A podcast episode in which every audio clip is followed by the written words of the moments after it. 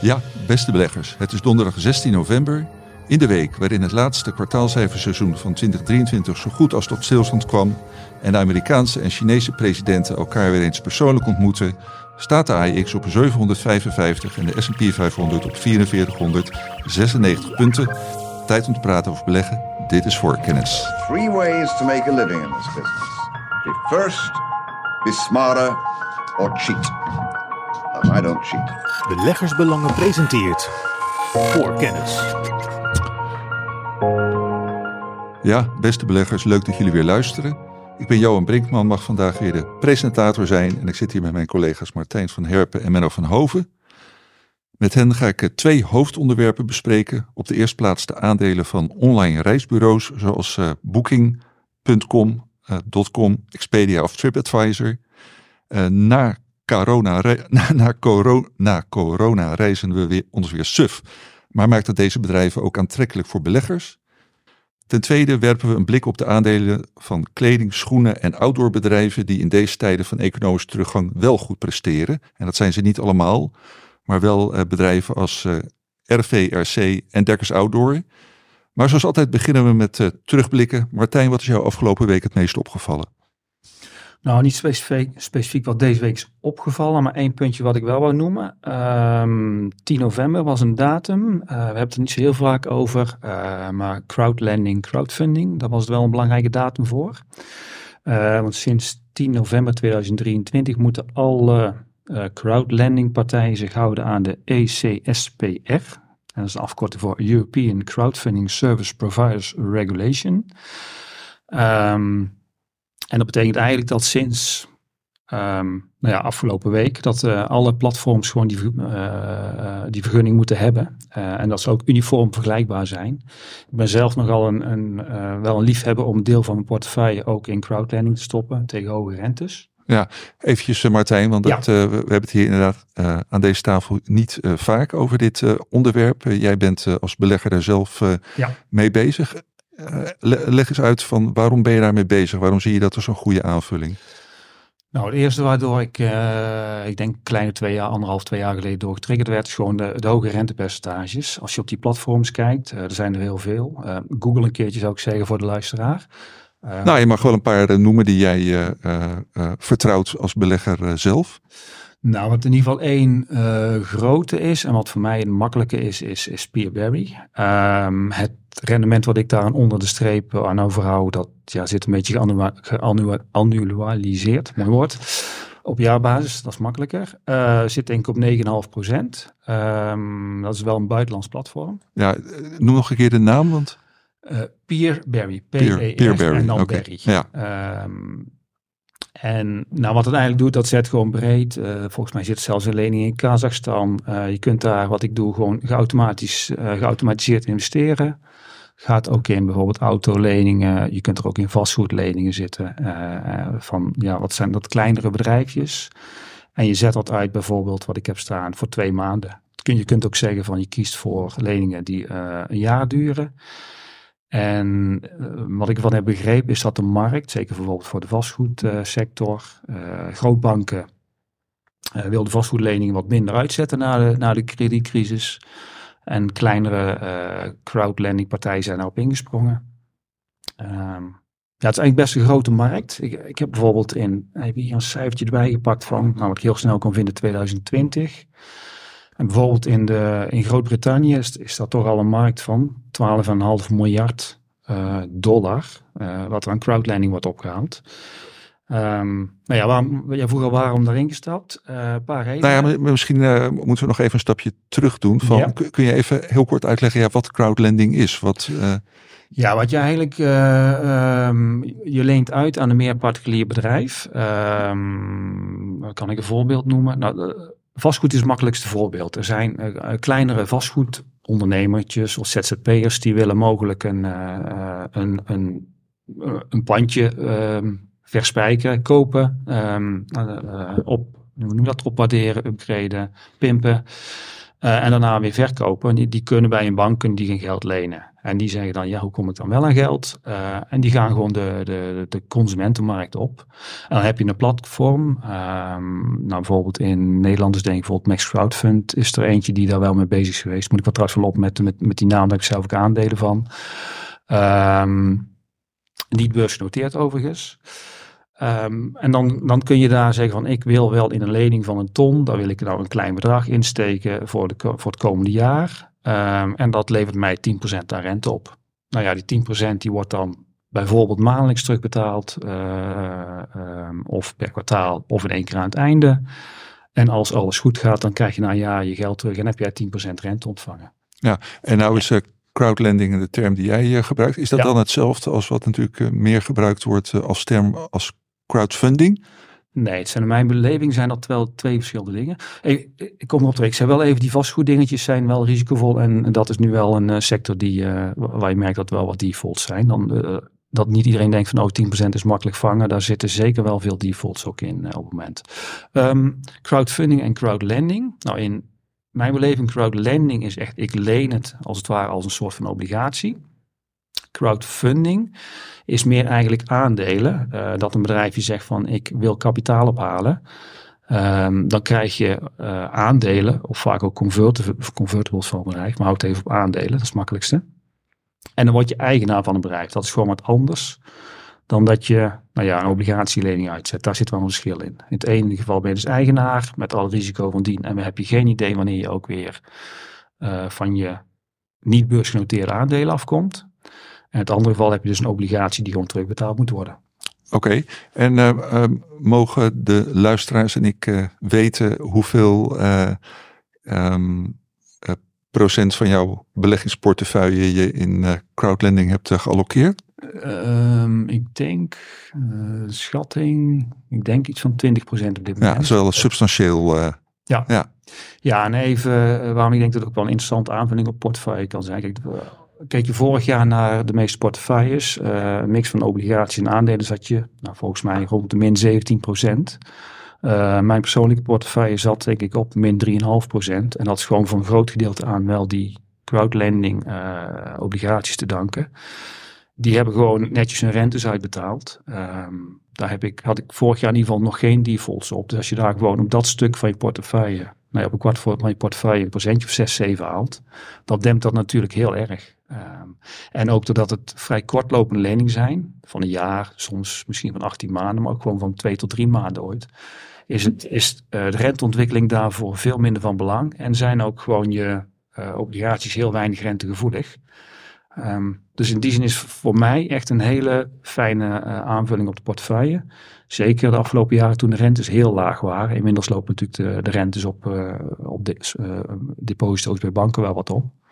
Maar ja, als je uh, 0 tot uh, 1,5 procent bij een grootbank krijgt, dan is het wel heel prettig om gewoon 8, 9, 10 procent te kunnen krijgen bij een, uh, ja, bij zo'n crowdlending. Ja, nou uh, leuk. En je moet er maar eens een artikel over schrijven in ons magazine Martijn. En ja. dan nog heel eventjes, want nou, zo kwamen we erop. Ja. Wat is er dan afgelopen week veranderd of 10 november veranderd wat in dit verhaal uh, belangrijk is? Nou, wat belangrijk is, uh, en dat zie je ook gewoon aan, aan, partijen, ze moeten nu een vergunning hebben, dus het is heel simpel. Uh, in Nederland is de AFM verstrekt, voor zover ik heb kunnen begrijpen, namens de, Europese, het zal de, ECB zal het zijn, um, die verstrekt de vergunningen. crowdlending platforms moeten dus een vergunning slash toestemming hebben van een AFM om überhaupt leningen op hun platform te mogen publiceren. En dat betekent sinds 10 november, uh, er zijn gewoon platforms die krijgen geen vergunning, dus moeten stoppen. Of ze moeten gaan denken, nou, bijvoorbeeld uh, Max Crowdfund is een concreet voorbeeld, kreeg geen vergunning, is nu aan het kijken om uh, te gaan fuseren met andere platforms, om toch die vergunning te hebben en daarin verder te gaan. Ja, en is in jouw ogen door deze maatregelen beleggen op deze platforms veiliger geworden ook? Ja, ja, zeker. Ik heb even hier een lijstje ook van, nou, wat is nu eigenlijk, uh, wat zijn een aantal dingen? Uh, wat je bijvoorbeeld, ik noem net al defaults. In het verleden kon je wel lezen op een platform, het default percentage is, ik noem maar even 2%, maar had je geen idee wat dat betekende. Nu zeggen ze gewoon standaard, ehm, even uit mijn hoofd, als een lening of een leningbetaler drie maanden niet heeft betaald, ongeacht of je nog in overleg bent met die schuldeiser, met, zo met de schuldnemer, dan moet je hem op default zetten. Ja. En voorheen kon je zeggen, ja, als platform, maar wij zijn nog in goed overleg, ehm, dat, dat komt allemaal goed, wij zetten hem nog niet op default. Dat maakt onderling vergelijken heel lastig. Eh, nou, zo zijn er wel meer dingen. Eh, Kijk, informatieverstrekking, zo meer verzuimgraden, ehm, een toelatingskennistest, al dat soort dingetjes, dat, moet, dat, dat zijn nu meer standaard, eh, standaarden die daarvoor zijn opgesteld, eh, waardoor alle platforms vergelijkbaar zijn. Ja. En ook iets als een eh, depositogarantiestelsel, wat natuurlijk voor beleggingen en spaar te goede geldt bij, bij banken. Geldt dat hier ook voor? Nee. Dat- het is gewoon een. ehm, ja, je ziet eigenlijk als een obligatielening. Dus het valt in de. Nou, belastingtechnisch toevallig onlangs een column. Valt het in overige eh, bezittingen. Eh, wat je wel hebt, en dat kan wel een tip zijn. Er zijn platforms die een, een, een terugkoopgarantie geven. Ehm, nou, is altijd de vraag wat, wat, wat die garantie voor, eh, wat, wat dat betekent. Maar wat ik in praktijk wel heb gehad, als er dan leningen over een datum gaan, ehm, dan worden die wel na, na een bepaalde tijd worden die gewoon door het platform of door een, fonds wat daarop is gezet, worden die wel teruggekocht. En nou, e- even wel een mooi voorbeeldje, bijvoorbeeld Peerberry. Eh, ik, ik noemde al, ik zet hem daarin op eh, automatisch eh, investeren voor korte termijn. De eerste keer dat ik dat op platform kwam, zei ik van nou, doe maar automatisch investeren. Ik wil wel eens weten wat het betekent. Dat was, ik denk eind 2021. En een dag later was alles geautomatiseerd, geïnvesteerd in Oekraïne. Nou ja, dat, dan denk je wel, oeps, dat is eh, misschien niet zo handig met de Russen aan de deur. Ehm, die leningen gingen allemaal default. Eh, inmiddels zijn die wel allemaal gewoon netjes terugbetaald. Dus ja, daar zat wel een terugkoopgarantie op. Is, is ook wel een tip als je hiermee wil starten. Ehm, sowieso breed spreiden, maar kijk gewoon ook naar platforms die een terugkoopgarantie hebben. Ehm, het is alleen maar een extra waarborg eh, op je geld. Eh, nou, lijkt me zeker interessant, eh, Martijn, als je hier onze abonnees een keer wat meer over laat weten. En overigens voor iedereen die luistert, Martijn heeft een eh, achtergrond eh, in het risicobeheer. Dus is eh, niet iemand die Ja. eh, eh, zijn eigen geld zomaar ergens gaat inzetten. Maar eh, nou ja, interessant onderwerp om op een later moment nog een keer op door te gaan. Zeker. Menno, eh, of wil je nog wat zeggen, Martijn? Nou, ik heb nog een, nog maar een lijstje. Ah, je hebt nog een lijstje, oké. Ja, ik heb een paar blaadjes, maar we zullen even kijken. Ehm, nou, wat misschien wel interessant is, ook voor het verhaal van dadelijk. Ik, ik zag eh, Uber Technologies eh, van, de, van, de, van de eh, een autoverhuurplatform, zo moet ik zeggen, of taxiverhuurplatform. Eh all-time high eh, dit jaar, plus 112 procent. Ehm, ik vond het wel een hele interessante. Wel, hij, hij stond, er niet zo op mijn radar. Ehm, en waarom ik hem ook interessant vond, ik zag ook het platform Lyft. Ehm, en dat doet juist een dikke min. Staat dit jaar wel ongeveer eh, rond stabiele koers. Waarom ik dit interessant vind, Uber is een heel groot platform, eh, groeit hard, een sterke financiële positie. En je hebt daarnaast het kleinere Lyft. Eh nou, in vergelijking, de omzet van Uber is 110 miljard, wat ik zo over beurswaarde. Ehm, en van Lyft is dat 4,3 miljard. En je ziet gewoon dat de kleinere partij heeft het gewoon moeilijk en de grotere partij eh, slokt alles op. Ehm, en wat we daarbij, nou even het detail, even kijken, ik ben wel flink aan het praten. Ehm, nou, je ziet daar ook wel dat reizen en ook de return to office policy, ehm, dat, daar, eh, dat dat eh, gunstig is voor Uber. En ik denk, Johan, ik zit even ook naar de tijd te kijken dat Menno mag.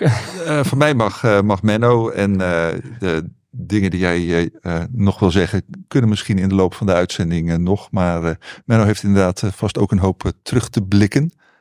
Nou, inderdaad. Ik heb ook een uh, lijstje, dus ik eh, ga er proberen snel er doorheen te lopen. Eigenlijk niet voorbereid, maar wat ik nu net zie, ik kijk nu naar de Amerikaanse beurs, die vandaag, eh, donderdag 16 november, als dit opnemen, eh, omlaag staat. En ik zie dat in Amerika nu acht aandelen zijn te all-time high. Daarvan zitten er drie in de dividendportefeuille. Dus eh, ja, dat past wel een beetje bij het beeld van de laatste weken. Enorme koersstijgingen gezien in echt kwaliteitsaandelen. Die zetten gewoon all-time highs neer. Terwijl heel veel aandelen nog juist aan de onderkant hangen. Ja. Even, even een punt van orde, Menno. Volgens mij praat je niet heel erg in je microfoon, of doe je dat wel? Ik, eh, ik zit met voor. Oké, nou, Eh, als ik niet goed verstaan ben, dan ga ik nog proberen te letten. ja, nou, volgens mij was je niet goed verstaanbaar. Herhaal het nog even, want dat is eh, zonde voor de... Nee, bedoel, je, je, ik hoor je nu, eh, nu beter. Ehm, wordt hier eventjes wat eh, geschoven. Herhaal nog even je eerste punt, want ik denk niet dat dat voor de luisteraar... Nou, mijn eerste punt was dus dat op dit moment vandaag de beurzen staan in de min. En eh, ja, ik zie acht all-time highs en daarvan zitten er drie in de dividendportefeuille. geweldig, dat wilden we nog een keer horen, Menno. Dus, Ja, eh, ditmaal wel goed. ja, dit keer, Oké, dit keer wel goed. Prima. Nou, een eh, ander puntje, ook net binnen. Eh, Walmart komt met cijfers. Ja, die waren niet goed, of althans, die waren minder sterk dan verwacht. Staan nu eh, bijna 7% in de min. En een paar po- podcasts eh, eh, geleden had ik volgens mij nog een ja, best wel onduidelijke mening over het aandeel. Ik zou het niet kopen rond een all-time high. En ja, dit is natuurlijk puur toeval, maar ja, hoe ga je dan kijken? Koers-winstverhouding van 26, 1,3% dividendrendement en minimale groei elk jaar. Dan ja, word ik daar niet enthousiast van. Cijfers zijn nu ook slecht. Maar wat ik er vooral interessant aan vond, ik heb heel snel even naar gekeken, is dat de e-commerce omzet die daalt bij Walmart. Dus tijdens corona ging natuurlijk iedereen online bestellen. Maar dat zit nu, eh, dat krimpt, eh, eh, als ik het goed begrijp, steeds verder. Dus dat vind ik wel heel interessant. Zeker ook in verband met het hoofdonderwerp van mijn kant, wat zo aan de orde komt. Ja. En dat gaat juist over twee retailers, of althans twee eh, bedrijven eh, die eh, consumentenartikelen maken, die juist heel veel via online kanalen doen. Ja, En ja. die daardoor juist heel goed presteren op de beurs. Maar daar kom ik zo op terug. Een ander puntje, Exxon, natuurlijk de oliegigant, die gaan, of die hebben aangegeven een toonaangevende producent van lithium te willen worden. Ja, die prijs van lithium staat al enorm onder druk dit jaar. Vooral door de tegenvallende vraag naar elektrische auto's, waar, waarvoor natuurlijk voor de batterijen wordt eh, gebruikt. En Exxon, eh, ja, die heeft daarvoor een nieuw, gebruikt daarvoor een nieuw productieproces. Dat heet Direct Lithium Extraction.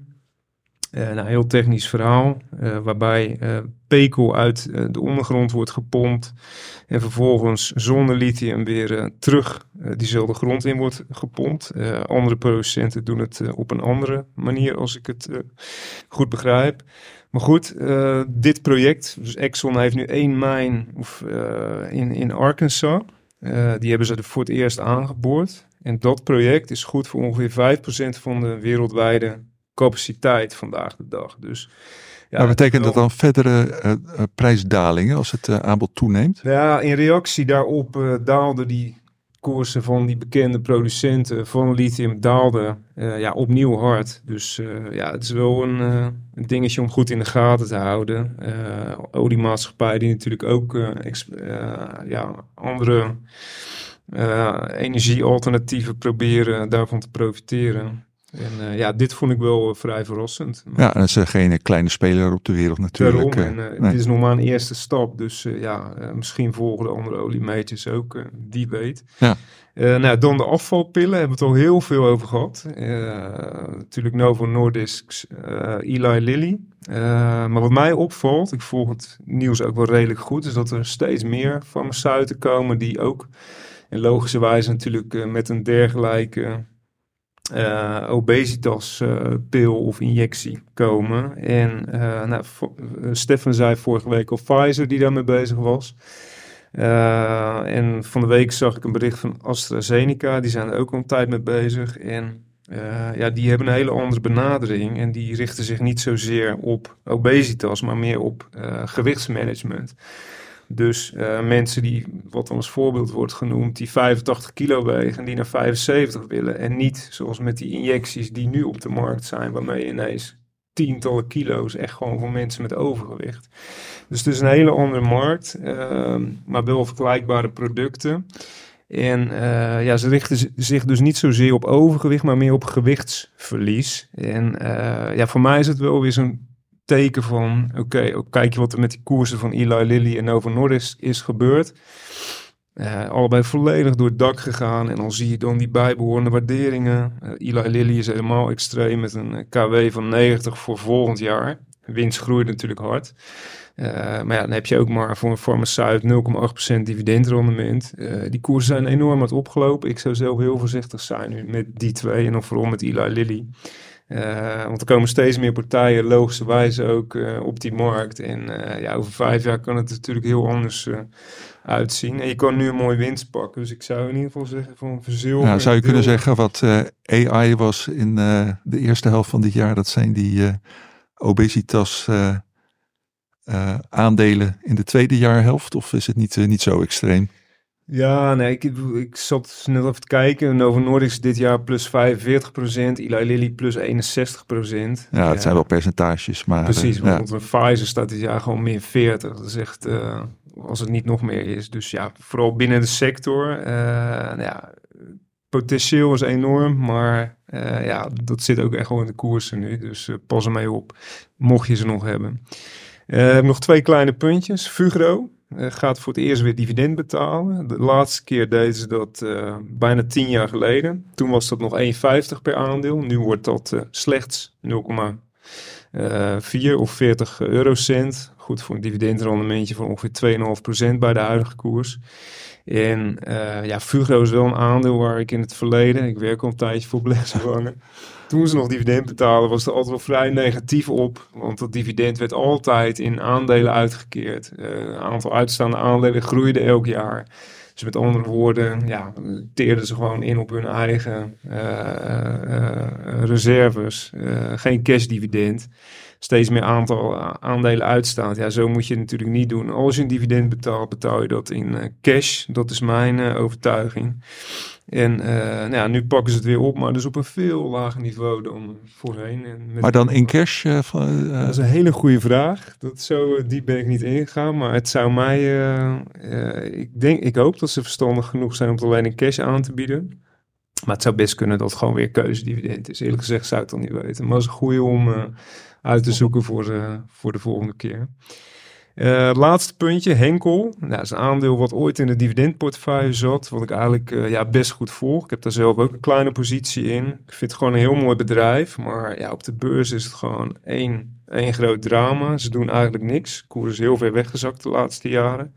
Het is dit jaar ook een van mijn redactietips uh, trouwens. En ehm, de analisten van Bank of America die kwamen vandaag met, of van de week met een rapportje. En uh, ja, die spreken van uh, dat het aandeel too cheap to be true is. Dus uh, ja, veel te laag gewaardeerd. Enorme korting ten opzichte van sectorgenoten, die overtrokken is volgens Bank of America. En ja, dat is eigenlijk iets wat ik al jaren zeg. waardering is aantrekkelijk, dividendrendement is goed, dividend is stabiel. Ja, en de KW die staat nu op minder dan 14. En dat voor een bedrijf wat schuldvrij is en uh, wat elk jaar verder bouwt aan een oorlogskas. Ja, op een gegeven moment uh, dan is de vraag van je kan gewoon niet veel lager in koers, uh, mits er hele rare dingen gebeuren, wat niet uh, realistisch is. Nou goed, bij Bank of America kijken ze er ook zo op. En uh, die wijzen vooral ook, los van die onderwaardering ten opzichte van sectorgenoten, wijzen ze op groei, groeimarkten op lange termijn. Henkel is natuurlijk een hele grote speler op gebied van lijmen, ook industriële lijmen. En vooral de medische lijmenmarkt en nog belangrijker de markt voor autolijmen, voor elektrische auto's. Uh, ja, die heeft heel veel potentieel. Uh, mede omdat er in een elektrische auto twee keer zoveel lijm nodig is om dat ding te maken dan bij een gewone brandstofauto, laat maar zeggen. En ja, als je dan heel simpel vooruit kijkt met een verwachting dat tegen 2030 elektrische auto's goed zijn voor uh, eh, 70% van het wagenpark en dat het vandaag de dag nog op minder dan 10% zit, dan kun je wel uitrekenen dat Henkel een bedrijf is wat daarvan gaat profiteren de komende jaren. En jij houdt hem in ieder geval lekker in portefeuille. Zeker, gewoon een heel defensief degelijk aandeel wat heel, heel financieel solide is met een lage waardering. Dus kun je weinig kwaad fout mee doen, laat maar zeggen. Oké, nou, dat, en dat doe je dan ook niet. Zeker, we uh, houden goed vast. Ja, Oké, okay. uh, dankjewel Menno. Voor kennis. Ja, eerste hoofdonderwerp. Uh, we hadden het er al even over de online reisbureaus. nou, mensen zijn weer gaan, gaan, gaan vliegen de wereld over, boeken weer hotels, et cetera. Ehm, en eh, nou, aan, eh, aandelenkoersen zijn ook eh, opgelopen, althans van een aantal eh, van die online reisbureaus, maar niet allemaal. Martijn heeft zich daarin in verdiept. Martijn, wat kun je daarover zeggen? Ja, je zei al, Johan, eh, de koersen zijn hard opgelopen, of zijn opgelopen. Nou, ja, de, eh, de aanleiding was een stukje eh, voor beurs en beeld. Ehm, Wat jij afgelopen week in het magazine hebt geschreven. Ja. ja, ja. Ja, en, dan- en daar ging het vooral even over de koersen op korte termijn. Ehm dat, TripAdvisor en Expedia goede schoot omhoog en Booking, eh, je bleef juist wat liggen. Dat zijn drie aandelen waar we het vandaag met name over gaan hebben. Ik heb ook nog een klein beetje Airbnb in deze meegenomen. Ehm, nou ja, we zitten nu natuurlijk, nou pak een beetje anderhalf jaar nadat eh, de lockdowns een beetje, zeker in Nederland, ook voorbij zijn. En nou ja, dan is het ook wel weer interessant van wat hebben die aandelen gedaan en zitten daar kansen in of, eh, of hoe zit het nu? Even een beetje perspectief plaatsen. Ehm, de koersen. En dan kijk ik even vijf jaar terug, want dat maakt het denk ik wel, wel een beetje interessant. Eh, de koers van Booking.com staat er 68% bij, wat ik er zo van gezien heb. Expedia 68% hoger dan vijf jaar geleden. Expedia 11% hoger en TripAdvisor, eh, een stukje kleiner, is dat min 70%. Dus dat is wel, nou ja, precies de andere kant uit. Ehm, wat ik zelf heb gedaan is gewoon ook eens een beetje kijken van wat, wat doen ze nu? Nou, misschien moet ik even één stapje terug. Eh, wat voor sites zijn het? Eh, ik ken ze vooral ook eh, ehm, ja, van online. En dat klopt ook, alleen is wel een klein verschil. TripAdvisor eh, is meer een beoordelingssite. Je kunt er ook wel wat boeken. maar beoordeelt gewoon ook tussen andere platforms. En Booking.com en of Booking Holdings moet ik eigenlijk zeggen, en Expedia. Dat zijn echt gewoon platforms waar je, je nou, met name je hotel kunt boeken, maar ook je bijvoorbeeld een vlucht eraan koppelen, een, een, een auto kunt huren. En eh, nou ja, met Menno hadden het er al over. Ik, ik heb in het verleden ben wel eens met Booking eh, door Zuid-Engeland met mijn- eh, toen nog vriendin eh, gereisd. Ik vond het heel prettig. Ehm Menno is meer de Expedia-man. Ehm, Ja, a- allebei, maar daar kom ik zo nog op terug. ja, ik dus heb er al een met wat, over. precies, met wat recente ervaringen. Nou, ik wou niet die ervaring kant op. Eh was wel verleidelijk, maar eh, ja, vooral even gekeken naar wat omzet, wat margecijfers en gewoon even een algemeen beeld en ja, meer ook de businessmodellen. Wat ik even zelf heb gedaan, ik denk van nou, laat een beetje persoonlijke ervaring. Wat gebeurt er nou als ik zelf op die sites ga kijken? En ik ben gestart met, met, met TripAdvisor. Ehm, twee volwassenen en een kind, denk ik. Nou, dat is wel makkelijk, daar stond die standaard op. Wat ik daar eigenlijk merkte bij Tri- TripAdvisor eh, eh, aan zoekresultaten. Ik kreeg heel snel ehm, ja, resultaten natuurlijk. Maar vooral ook dat bovenaan stonden dan toch eh, aanbiedingen van of via Booking.com en Expedia. En dan ehm, nou ja, een eindje verderop stond er ook nog een keer een hotels.com. Wat dan weer onderdeel is van Expedia. En dan ei- uiteindelijk denk ik van ja, voor mij is dat veel minder praktisch. Ehm, en waarom is dat minder praktisch? Kijk, de, de, de site heeft daarmee eh, onderling prijzen vergeleken van platforms. Maar vervolgens, ehm, als ik altijd klant ben bij Booking, dan krijg ik misschien wel een keer 10% korting of een, eh, wat ik me van herinner, 15 euro korting. De kortingsdeals, die krijg ik niet als ik iedere keer een wisselend eh, iets boek ehm, via bijvoorbeeld een, een tri- eh, TripAdvisor. Idem dito voor Expedia. Dus ik, ik had voor mezelf zoiets van, nou, eh, TripAdvisor zou ik gewoon, als ik incidenteel zo eens een keer een reisje, reisje boek voor één of twee nachten, zou ik misschien nog een keer gaan kijken. Ga ik vaker reizen of doe ik een reis voor twee, twee weken waarbij ik ga rondreizen? Ehm, dan zal ik, denk ik, zelf naar Booking.com of naar eh, Expedia zoeken en dan die kortingen meepikken. Ehm, dus dat was even mijn snelste keuze. Ehm, verder de vergelijking tussen Booking.com en Expedia. Eigenlijk hebben ze allebei heel veel mogelijkheden ehm, vergelijken. Je kunt van alles aanklikken. Voor hoeveel nachten eh, wil je er een sauna bij? Al dat soort dingen. Dat Zwembad. Zwembad, ja, zwembad. Ik zag ergens een biljart. Nou, kan ook nog. eh hondenuitlaatservice. Bij wijze van, je kunt zo gek niet bedenken, wat zit er allemaal wel in. Eh, daar, daar zag ik verder niet heel veel verschil in. Moet ik wel bij zeggen, het is ook maar een klein onderzoekje geweest. Ehm, en wat mij zelf opviel was dat, als ik, ik, ik keek gewoon even naar Hotel Amsterdam. Bij mij kwamen eigenlijk de Expedia vaak iets goedkoper uit. Maar als ik op, op v- eh, weet dat, reviews keek in de media, dan was vaak, dan zeiden ze van nou, Booking is iets goedkoper. Ehm, nou ja, een beetje, wat, een beetje om het even, ehm, daar zal het verschil niet in zitten. Ehm, dan heb ik hier even de belangrijkste dingetjes mee benoemd. Wat ik misschien nog Ja, even- voor jou als, Ja. als gebruiker springen dus eh, Booking en eh, Expedia eruit. en valt TripAdvisor eigenlijk af. Ja, Ja, Ja, wat, wat ja, belangrijk een is. andere formule ook. Ja, Ehm Dat had ik misschien nog een beetje kunnen toelichten. Ja, boek, Booking en Expedia zijn inderdaad booking sites. Bij TripAdvisor kun je ook iets, meer bij beoordelingen en kom ik iets meer bij restaurants uit. Ehm, het, het is gewoon iets ander businessmodel, maar ja, voor echt reizen, eh, ik zou Booking.com en Expedia gebruiken. Of ik moet formeel zeggen Booking Holdings met eronder een Booking.com Ja. Eh, of een Expedia. maar Ja. goed, maakt het dat ook eh, aantrekkelijke beleggingen? Dat eh, is dan natuurlijk de volgende vraag. Ja, nou dat, dat is inderdaad een persoonlijke ervaring. Ehm, toen ben ik even een beetje in de financiële cijfertjes gekeken. Eh, wat, wat is nou eigenlijk ook gebeurd eh, in corona? En dat, dat bepaalt wel voor een groot gedeelte wat ik van die bedrijven vind. Ehm, nou, de omzet, logischerwijs, is eh, gedurende corona is in elkaar geklapt. Ehm, even kijken, van 2019 naar 2020. Nou ja, Booking en Expedia min 55% en min 57%. Dat is redelijk eh, vergelijkbaar. En TripAdvisor ging ook 61% af. Daar zat het verschil niet in.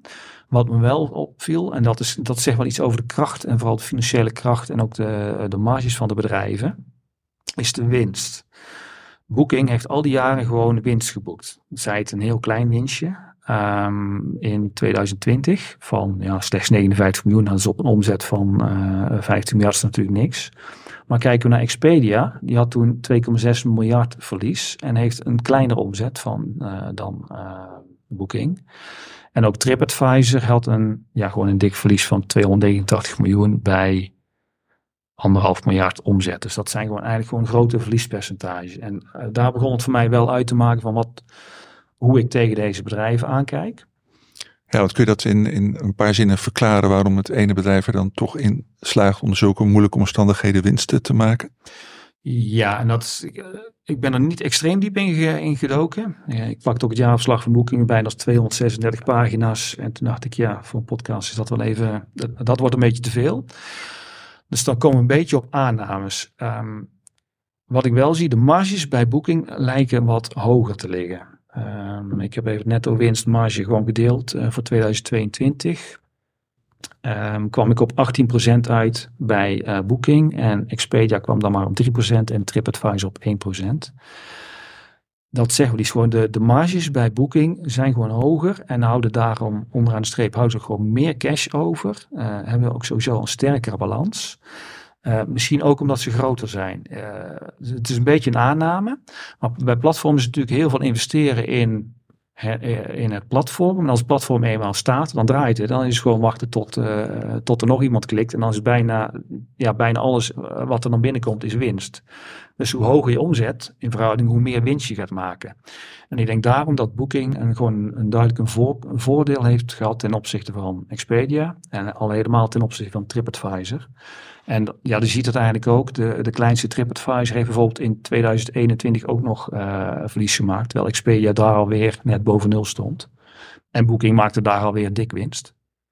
Dus ehm, ja, dat, dat, is wel een beetje, het geeft eigenlijk een beetje de kracht van de bedrijven aan. Ik denk dat dat voor mij, eh, je noemde al, ik ben, ook risicomanager geweest.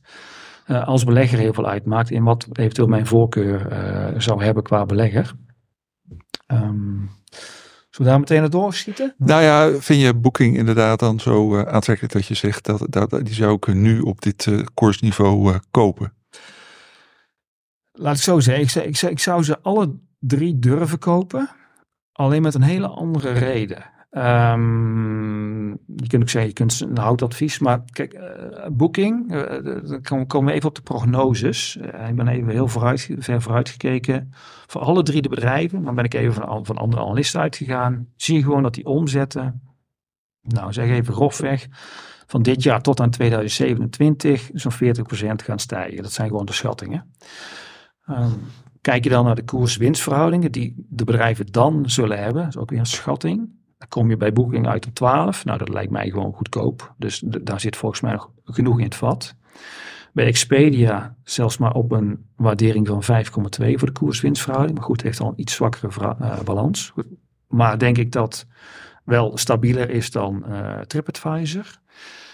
En bij TripAdvisor kom je op een koers-winstverhouding schatting van 2027 van 8,2. Dat is ook gewoon heel laag. Alleen TripAdvisor is gewoon veel risicovoller.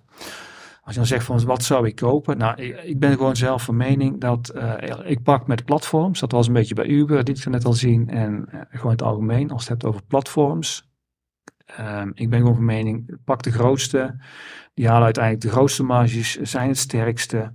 Eh, dus mijn persoonlijke voorkeur zou uitgaan naar Booking. Ik denk dat ook de, de meest zekere speler is. TripAdvisor kan heel hard omhoog, maar is wat speculatiever. Eh, en Expedia, nou gaat wel meer richting Booking. Dat, dat zal ik best wel prima draaien. Alleen ehm, wat ik daar wat risicovoller vind. eh, maar dat is misschien ook misschien mijn eigen paradepaardje. Ehm, ik heb ooit een scriptie geschreven in multi-market competition. En dat betekent eigenlijk gewoon ehm, dat bedrijven, als ze in meerdere markten met elkaar actief zijn, als je markt A, nou het makkelijkst is misschien een, een voorbeeld is Pepsi en Cola, die zitten over de hele wereld. Ehm, als je in, in, in Nederland als cola, eh, Coca-Cola de prijzen verlaagt, dan kan Pepsi denken, nou als jij het in Nederland doet en die oorlog aangaat, dan ga ik in Duitsland aan. Daarin denk ik dat, we maken een bruggetje naar eh, de vergelijking tussen Booking en Expedia met name. Expedia haalt een heel groot gedeelte van de omzet, eh, uit mijn hoofd van 70%, uit Amerika. En dan de rest uit de rest van de wereld. En Booking is veel geografisch veel breder gespreid. En ik zie daarin wel ook nog een beetje als risico dat eh, Booking.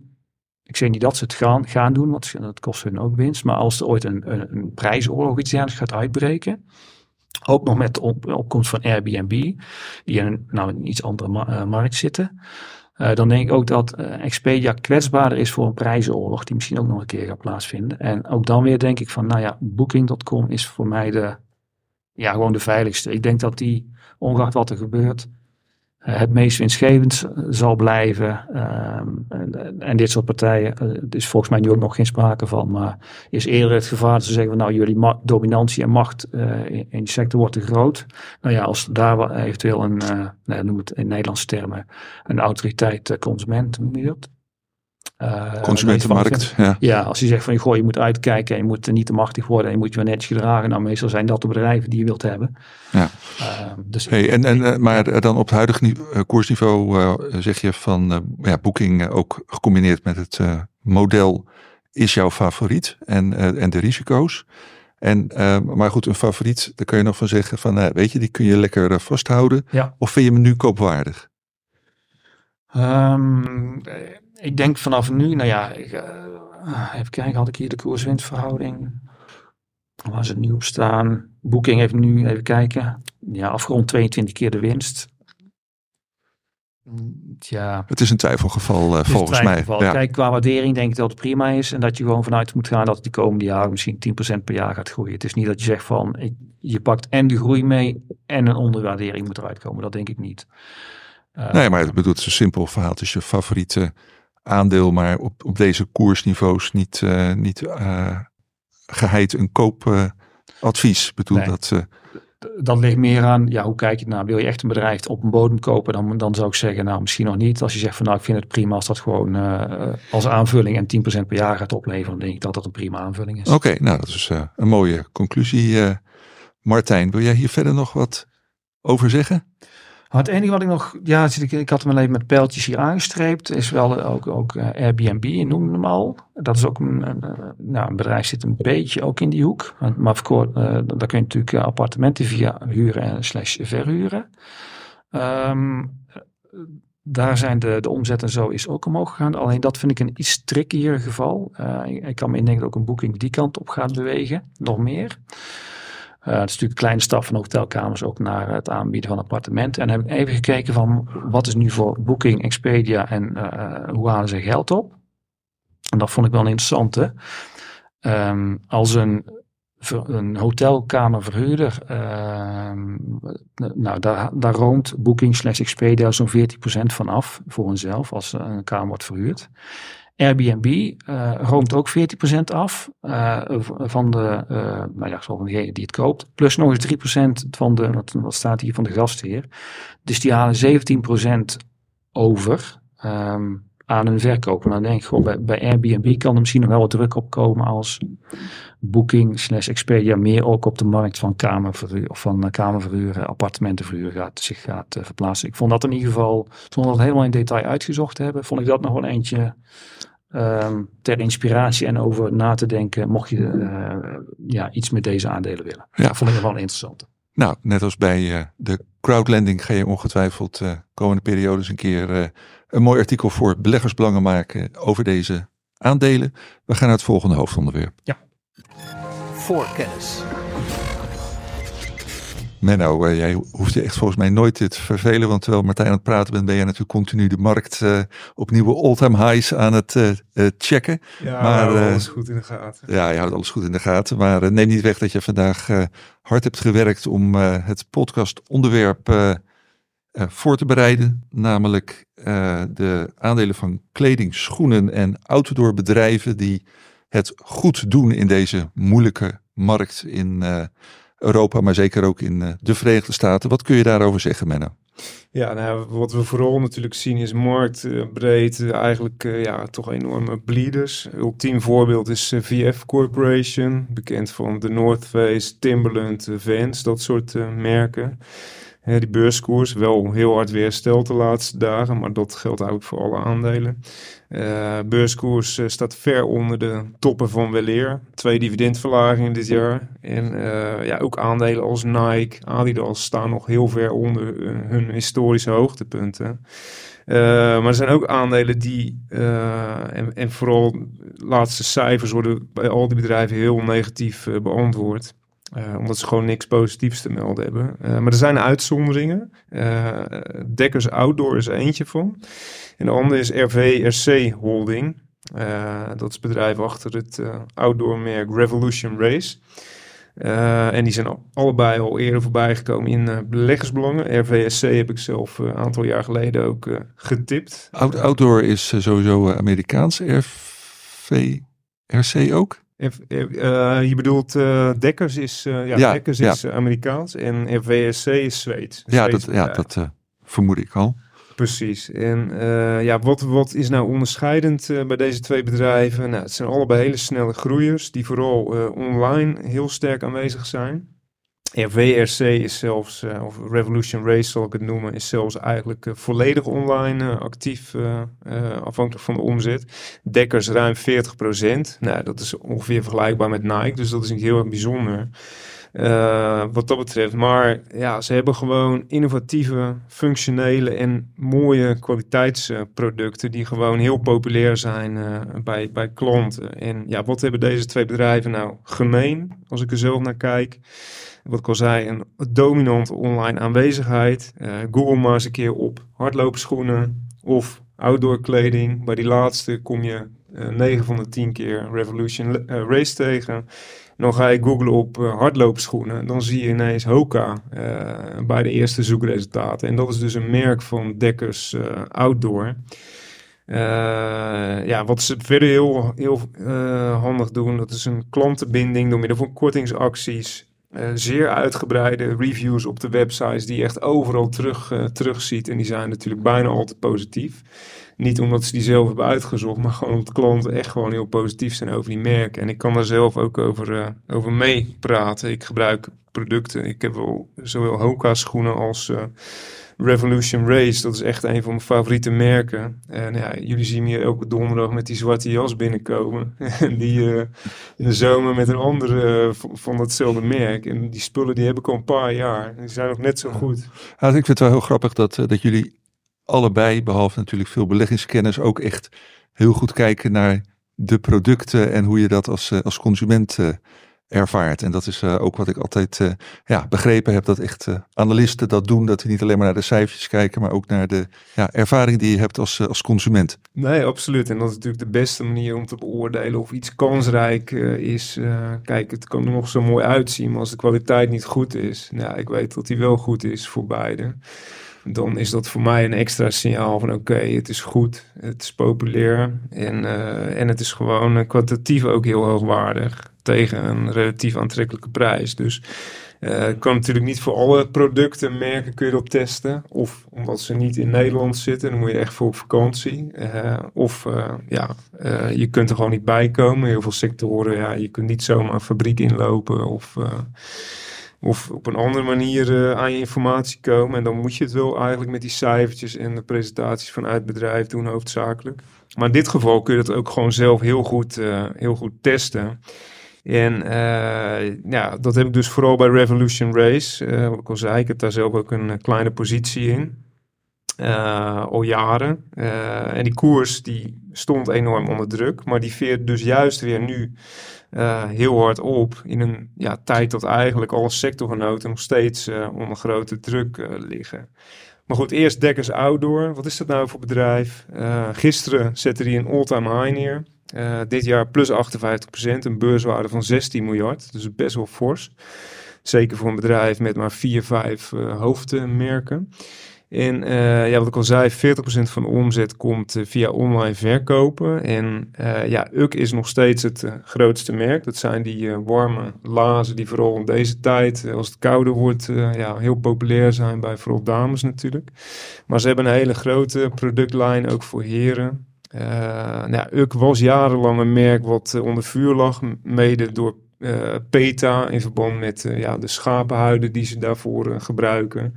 Inmiddels ja, hoor je daar niks meer over. En, ja, Hebben ze dat veranderd of maakt men zich er niet meer zo druk over? Uh, nou, misschien ook deels dat laatste, maar wat vooral, ja, wat natuurlijk het hele duurzaamheidsgebeuren wat doorgecijpeld is binnen het bedrijfsleven en beursgenoteerde bedrijven. Ja, ze zijn gewoon bewuster bezig met eventueel of vermeend dierenleed en ze zijn wel verplicht om ethischer te werk te gaan. Dus ik heb daar ook nog naar gekeken of ik daar nog wat over kon vinden, maar dat is allemaal wel volgens de regels en er zijn geen uh, recente protestacties, et cetera, wat je dus voorheen dus wel had pakweg tien jaar geleden dat ze gewoon echt uh, voor de winkel stonden met uh, spandoeken en bekloddingen, et cetera. Dat zie je niet meer. Dus in die zin ja, is dat geen probleem meer. En feit is gewoon vooral dat Urk is ook een enorm populair merk. Mede omdat ze hele slimme marketingacties hebben. Waarbij ze beroemdheden, influencers, uh, modellen gewoon gratis stilazen opsturen. Nou ja, die doen die graag aan natuurlijk. En die worden weer gefotografeerd. Dan heb je gratis reclame. Dus daar zijn ze heel sterk in. Uh, maar het succesnummer van, uh, van Dekkers Outdoor is Hoka. Uh, is gewoon verreweg het snelst groeien. Het is echt een nieuw hardloperschoenenmerk, wat je steeds meer ziet, wereldwijd. Uh, vorig jaar groeide dat met liefst 58,5 procent. En ja, dat blijft nog steeds het snelst groeiende merk van Dekkers Outdoor. En uh, ja, wat ze heel goed doen, is dat ze gewoon voor al die merken, ook voor Hoka, per land hebben ze gewoon een eigen online shop. Dus als jij als Nederlander uh, Hoka schoenen wilt kopen, dan kom je gewoon op een Nederlandstalige website. En dan kun je dat bestellen en binnen een paar dagen heb je die dingen in huis. Dus totaal geen verschil met een uh, Nederlands e-commerce bedrijf of wat dan ook. Dus dat hebben ze, daar hebben ze ook zwaar in geïnvesteerd. En dat werpt ja, vooral de laatste jaren enorm de vruchten af. En uh, ja, dat Hoka, dat, dan kijk dan persoonlijk naar. Ze hebben gewoon een hele uitgebreide uh, beschrijving van uh, schoenenmodellen. Hele opvallende kleuren, veel extremer, expressiever dan de standaard saaie Nike's en Adidas schoenen. En ze hebben bijvoorbeeld ook voor heel veel modellen extra brede maten. Nou, er zijn heel veel mensen die op zoek zijn naar bredere schoenen. En de standaard fabrikanten maken die niet. En uh, Hoka doet dat wel. Dus daar hebben ze ook een hele grote extra uh, klantenkring mee. Dus ja, dat zijn van die kleine dingen, details, waarmee ze innovatief bezig zijn. En waarmee ze gewoon onderscheidend zijn ten opzichte van concurrenten. Ja, en, en waar dus ook in uh, economisch moeilijke tijden ja. uh, consumenten bereid zijn om geld aan uit te geven. Absoluut. En het zijn vaak hele trouwe klanten die een account hebben aangemaakt. Ja, als je één keer die schoen hebt gekocht en het bevalt en je hebt nieuwe nodig, dan ga je er weer naartoe terug. Je maat weet je al, dus uh, makkelijker kan niet. Terwijl heel veel Nike's en Adidas, ja, die worden nog gewoon in schoenenwinkels of een schoenenwinkelketen gekocht. En ja, dan moet je maar net hopen dat die consument het jaar daarna weer datzelfde merk koopt. Of dat hij niet toevallig iets anders een plankje hoger ziet staan uh, waar hij dat jaar voor gaat. Zo gaat het in de praktijk natuurlijk wel vaak. Zitten ze, zo'n vraagje, zit ze qua prijsniveau ook richting Nike en Adidas? Of? Ja, ik denk dat dat wel vergelijkbaar is. Wel een beetje aan de bovenkant. Vooral die Ux, dat zijn gewoon, ja, dat zijn nog echt dure uh, laars. Dat is meer een luxe product. Maar die Hoka schoenen, die zijn wel, uh, ja, natuurlijk zit verschil in. Ze hebben ook kortingsacties. Maar die zitten wel uh, boven gemiddeld. Maar goed, hardloop, een beetje topsegment hardloopschoenen van Adidas of Nike. Ja, daar betaal je ook honderden euro's voor. Dus dan, als je het zo bekijkt, zijn die Hoka schoenen eigenlijk gewoon heel goedkoop. Dus maar vergeleken met normale schoenen is dat iets duurder wel. Uh, maar goed, ze kwamen ze op 27 oktober met supercijfers. Uh, die beloond werden uh, door beleggers met een koersprong van 18%. En ja, die cijfers die liggen er niet om. Omzet in het jongste kwartaal 25% omhoog naar 1,09 miljard. Analisten die zaten op 960 miljoen, dus veel beter dan verwacht. En de winst uh, bijna verdubbeld. En uh, ja, wat ik al eerder dit jaar, toen ik een keer over Dekker schreef, uh, wat er eigenlijk het enige wat er ontbreekt aan het aandeel is dat ze geen dividend betalen. Kan makkelijk. maar ze investeren en ja, ze gaan voor groei. Aandelen inkoop doen ze wel. Uh, maar een dividend dus niet. En dat zie je ook wel vaker. Dat is op zich geen probleem. En uh, ja, ze zitten nu op een KW van ongeveer 27. Lijkt hoog, maar voor een bedrijf dat dusdanig wat groeit, valt het wel mee. En sterker nog, Nike heeft een uh, nog hogere waardering op basis van de taxatie voor volgend jaar. Vol, volgend jaar. Dus in die zin valt het ook wel mee. En ja, ook heel interessant tot slot. ze, hebben, ja, ze behalen gewoon enorm hoge EBIT-marges, winstmarges. 18, 19 procent. Uh, bij Nike moet je denken aan 12. En Adidas is al heel blij als ze in een goed jaar 10 procent halen. dus ja, enorm winstgevend. En vooral natuurlijk ook door die e-commerce direct-to-consumer verkopen. Ja. Hey Menno, en dezelfde vraag als net aan Martijn. Vind je deze twee aandelen nu koopwaardig en heb je een favoriet? Nou, mijn favoriet is eigenlijk nog steeds RVSC. En ja, als het nog tijd voor is, wil ik er nog een klein, ja, ja, ja. klein beetje meer op ingaan. RVSC sinds 2021 beursgenoteerd in, uh, in Zweden. Is in 2013 uh, opgericht. Dus eigenlijk een heel jong bedrijf nog. Door uh, Pernilla Nierensten, als ik het goed uitspreek. En dat was in een garage van haar, van haar vader. En ja, de oprichters, man en vrouw, zijn eigenlijk outdoor liefhebbers. bergbeklimmers die eigenlijk nooit de juiste spullen qua pasvorm, qua kleuren. Het was altijd saai en veel te duur. Dus die dachten, dit is een gat in de markt en we gaan gewoon betaalbare producten maken met opvallende kleuren van een goede kwaliteit. Nou ja, en dat uh, is heel goed gelukt, uh, kan ik wel zeggen. En uh, ja, inmiddels, en het is dus een bedrijf wat volledig online opereert. geen winkels, alleen websites per land. En ze zijn vandaag de dag in 35 landen wereldwijd actief. Uh, het grootste deel van de omzet komt nog altijd uit uh, Scandinavië en, uh, zoals ze noemen, de dagregio. Wat voornamelijk Duitsland is dan. En ook Oostenrijk, Zwitserland. en ja, buiten, laten we zeggen, Duitsland, Scandinavië, wordt 19% ja, elders in de wereld verdiend. Onder meer Verenigde Staten zijn ze net begonnen. Uh, Nederland dus. En Nederland is een van de belangrijkste markten buiten die twee hoofdmarkten. En daar ja, groeien ze ook enorm snel. Ja, en dat kan ik ook uh, bevestigen. Uh, sterker nog, als ik op een verjaardag ben, dan zie ik ineens ook mensen met die spullen lopen. Nou, volgens mij ben jij ook zelf een influencer, uh, op deze manier. Dat, dat wil ik zeggen, want dit was wel, dat was toevallig mijn zwager. Dat was heel opvallend. Die die liep dus met, met dat spul rond en die had hele goede verhalen over. En ik heb hem er nooit iets over verteld.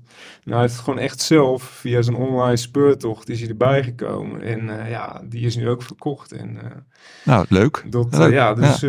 het is niet alleen dat ik het allemaal zo geweldig vind, maar andere mensen die ervaren dat ook zo. En de cijfers die bewijzen het natuurlijk. Hè. dus ja, dan ga ik even snel door naar, naar de laatste stand van zaken. Laatste kwartaalcijfers waren heel goed. Uh, eigenlijk net als Dekkers Outdoor ook een koersstijging van 19%. En dan hebben we het over voor RVSC slechtste kwartaal. Uh, fiscaal eerste kwartaal tot 30 december, de zomerperiode. Ze moeten het vooral van uh, het lopende kwartaal hebben. Waar ook heel veel winterachtige activiteiten bij horen. want, en dat had ik eigenlijk nog niet heel goed verteld. wat doen ze allemaal? Ze hadden eerst eigenlijk voornamelijk jassen en broeken, wandelbroeken. Maar ze doen tegenwoordig ook outdoor schoenen, wandelschoenen, rugzakken. Ze hebben zelfs een hele dierenlijn om je hondje warm te houden. En ook een kinderlijn. Dus ja, ze blijven met nieuwe producten komen. En Um, even kijken, hoe, hoe zat ik nu? Ja, de, de laatste cijfers. Sorry hoor, een beetje aan het hakkelen nu. De omzet groeide met 24%, dus over het jongste kwartaal naar 342 miljoen Zweedse kronen. En het EBIT-resultaat uh, ja, groeide zelfs met uh, eh, 34%. En ook dit bedrijf ja, realiseert enorm hoge marges, uh, eh, 19,5%. En ze streven op lange termijn zelfs naar een jaarlijkse EBIT-marge van 25%. En ja, ze, in 2021, toen ik voor het eerst over het aandeel schreef, hadden ze lange termijn doelen al. voor de periode 2023-2024. En dat was een omzet van 2 miljard. Nou, die uh, omzetverwachting staat nog steeds. Afgelopen jaar zaten ze op 1,6 miljard. En dat gaat, uh, ja, gaat ze normaal gesproken zeker wel lukken. En uh, wat ze ook doen, en dat is een van de redenen waarom ik het aandeel heel interessant vind, is dat ze nu al drie jaar een dividend betalen. Toen ik het in 2021 noemde, was dat het eerste dividend. Mijn verwachting was dit zou eens een heel mooi dividendgroeiaandeel kunnen worden. En ja, wat blijkt, en dat is het ook uh, tot nu toe geworden. Want elk jaar hebben ze een hoog dividend uitgekeerd. Dit jaar uh, betalen ze een uh, dividend van, en dan moet ik heel even kijken, 86 Zweedse of 86 cent in Zweedse kronen. En je bent ook nog niet te laat, want ze gaan op 22 november gaan ze ex-dividend. Heb je een dividendenrendementje van 1,8 procent. En uh, ja, bij de lange termijn doelen uh, staat ook nadrukkelijk iets over dat dividend uh, opgeschreven. ze willen het overtollige kapitaal, zoals het hoort, uitkeren aan de aandeelhouder met jaarlijks een winstdeling van 40 tot 60 procent in de vorm van dividend dus. En ja, dan moet je ook bedenken dat dit een schuldvrij bedrijf is met een oorlogskast die steeds verder oploopt. En uh, een cashflow die uh, ja, het huidige dividend veelvuldig dekt. Dus daar zit nog zoveel groei in. Ik denk dat dit uh, bedrijf over, ja, over een paar jaar veel meer uitkeert. En de vooruitzichten zijn goed. Het product is... Zit in de dividendportefeuille of Nee, nee niet? maar ik heb Nee. wel op een uh, of twee jaar geleden heb ik wel geroepen van nou, dit zou in theorie gewoon een dividendportefeuille waardig aan. Je kunt ze niet allemaal opnemen, Menno. Dat, is eh, het. nee. En de dividendhistorie is wat dat betreft ook dusdanig klein. En de beurswaarde 500 miljoen omgerekend. Dus in die zin niet helemaal geschikt. Maar ik heb er zelf wel een kleine positie in, omdat ik gewoon geloof in dit bedrijf. En het zou mij niks verbazen uh, als het over een uh, paar jaar veel hoger staat. Oké, okay. mooi verhaal en leuk dat jullie allebei van die fraaie online aandelen behandelen, consumenten aandelen die het, uh, die het uh, heel goed gaan doen en die dominant zijn. zijn we alweer bij de afsluiting gekomen. Ik blikken heel even vooruit. Martijn, heb jij bepaalde dingen op het oog? Ik, nou, Walmart was net met cijfers. min, minnetje van 7 stond er net. Ga jij aankomende week jouw analyse over publiceren? Ja, dus dat, dat eentje. Um, nou ja, Home Depot valt ook binnen mijn categorie. Uh, Kwamen van de week ook met cijfers. Ga je ook een analyse van uh, maken? Ja, en daar komt uh, aanstaande dinsdag komt Leus, dus ook, zit ook in die categorie, komt daar komt naar buiten. Um, nou, ik heb hier ook nog Macy's en een beetje wholesale, ook een beetje in de retail categorie wat, wat bedrijven. Retailers zijn over het algemeen wat later in het seizoen, hè? Dat, ja, ja. ja, en daar zou ik met schuin oog naar kijken. En nou, ik ben eigenlijk vooral benieuwd naar woensdag, uh, verkiezingsdag. Kijk, daar zit voor, uh, voor mensen met uh, vermogen. En, en, nou ja, wij als beleggers zitten ook met een beetje vermogen. Ik ben wel benieuwd wat, hoe dat gaat uitpakken. Dat, ja. Ja, nee. het scheelt nogal of je de helft van je winst moet afdragen of, of een derde bijvoorbeeld. Dus ik, zeer benieuwd. Ja, nou, we, we, weten een beetje dinsdag. De formatie duurt daarna, daarna nog uh, ongeveer een half jaar, denk ik. Maar goed, uh, zeker iets om naar uit te kijken. Martijn, Menno, jij speciale aandacht voor bepaalde dingen? Uh, nou ja, het jaar is uh, vordert heel snel nu natuurlijk. nog, ja, wat is het, een week of zes. En dan zitten we in 2024. En ja, iets wat ik eigenlijk niet had verwacht twee weken geleden... is dat de dividendportefeuille gewoon toch nog op een dubbelcijferig rendement staat. En na een enorme spurt de laatste weken. En uh, daar gaat het niet zozeer om. Het gaat me vooral om het dividend. En uh, ja, dat gaat dit jaar ook weer een uh, recordniveau bereiken. En er zijn nog vijf aandelen waarvan ik verwacht dat ze de komende weken dividend opnieuw gaan verhogen. Nou, er zitten er natuurlijk 47 in portefeuille. Daarvan hebben er 39 het uh, dividend dit jaar verhoogd. En uh, er gaan er nog vijf bij komen, denk ik. dus daar kijk ik uh, vol vertrouwen naar uit. Ja, nou, we gaan het allemaal lezen in beleggersbelangen nog, nog dit jaar. dank jullie wel, Menno en Martijn, voor dit mooie uur beleggersinformatie. bedankt luisteraars. volgende week zit ik hier met Karel Merk, Stefan Hendricks. Heeft u vragen aan een van beide heren? Het bekende mailadres voorkennis.beleggersbelangen.nl tot uh, volgende week en nogmaals dank.